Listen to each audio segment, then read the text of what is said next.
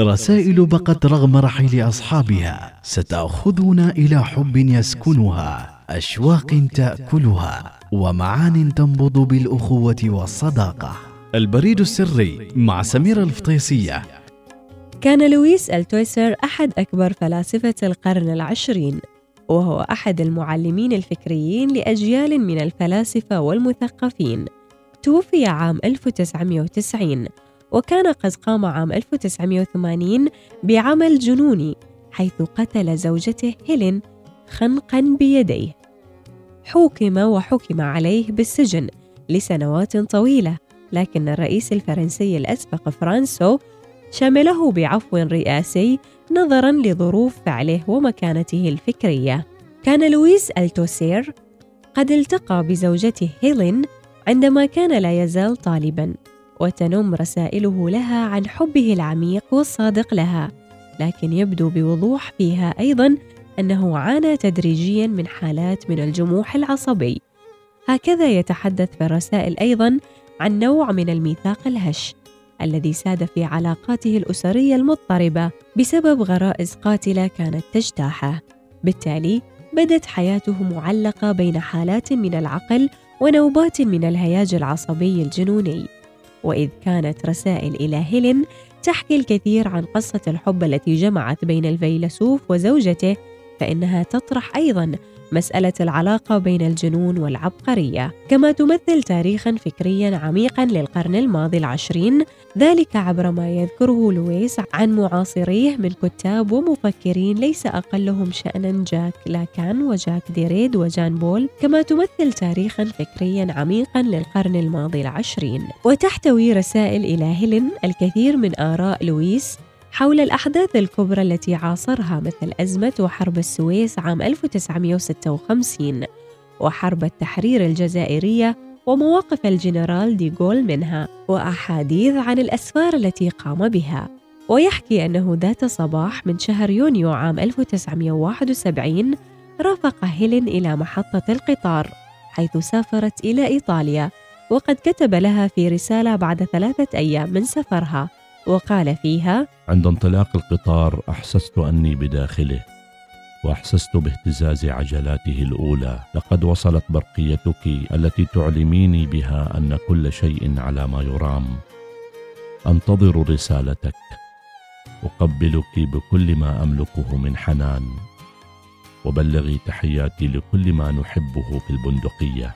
وبعد إحدى المشاجرات المتكررة كتب لويس ألتوسر في رسالة تعود لعام 1958 وقال لقد شجبتك من أجل سوء تصرفك ومن أجل طريقة ارتداء ملابسك وقاطعتك في الحديث أمام أهلك ووبختك من أجل صلصة السلطة التي قمت بتحضيرها. أتمنى أن نذهب معا للتنزه في الغابة يوم الأحد فهذا سيجلب لنا بعض الصفاء. تلك العلاقة التي جمعتهم انتهت بجريمة قتل حيث أقدم لويس على جريمة قتل زوجته الحبيبة. لكن هذه العلاقة الغامضة والمربكة في الوقت ذاته تخللتها لحظات حب وغرام قوي بينهما. كتب لها ذات مرة قائلا إلين تتفهمين جيدا لماذا أكتب إليك غالبا. أظن أنك عايشت ظروفا ما.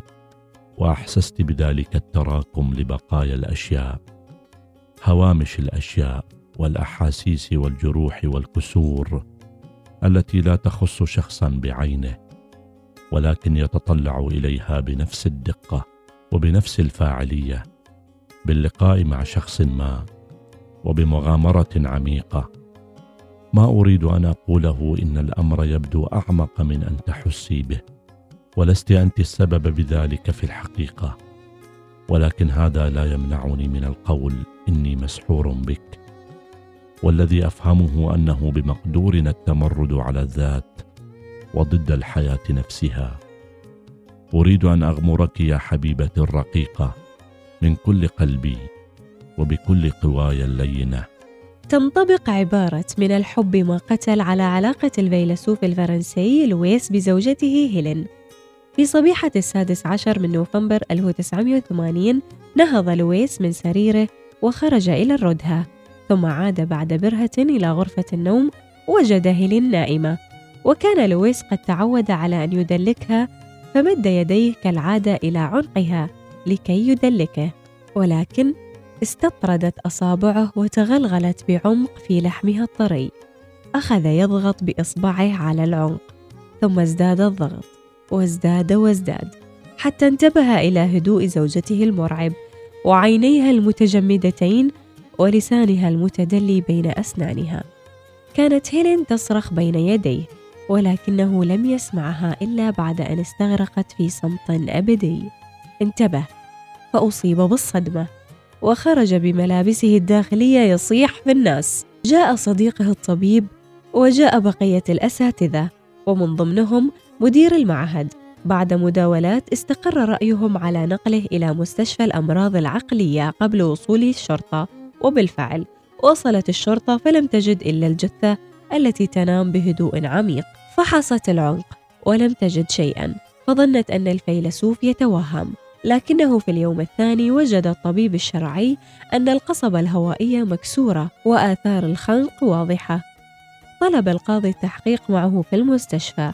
ولكن الأطباء رفضوا بحجة انهياره العقلي والنفسي فأمر بتشكيل لجنة من ثلاثة محللين نفسيين وقدموا تقريرهم فأعلن القاضي أنه غير مؤهل للعقوبة وتم إغلاق القضية نهائياً.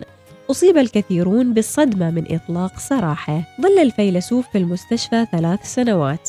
بعدها خرج ورحل إلى شمال فرنسا وسكن في شقة هادئة يزوره فيها بعض أصدقائه. كان قليل الخروج من شقته ولكنه إذ خرج يكون منحني الظهر أشبه بعجوز مشرد وكان المرى يرمقونه بارتياب وخوف وكان يصرخ ويقول أنا لويس أنا لويس العظيم. ويقول أيضا لقد قمت بخنق زوجتي زوجتي التي أحبتني والتي جسدت بالنسبة إلي كل العالم. وفي أواخر أكتوبر 1990 سقط على أرض شقته ولم ينهض إلى الأبد لقد مات بأزمة قلبية. البريد السري مع سميرة الفطيسية يأتيكم في الأوقات التالية التاسعة وخمس وأربعين دقيقة صباحا الثانية عشر وعشرين دقيقة ظهرا الخامسة وخمس وعشرين دقيقة عصرا الواحدة وخمس دقائق صباحا.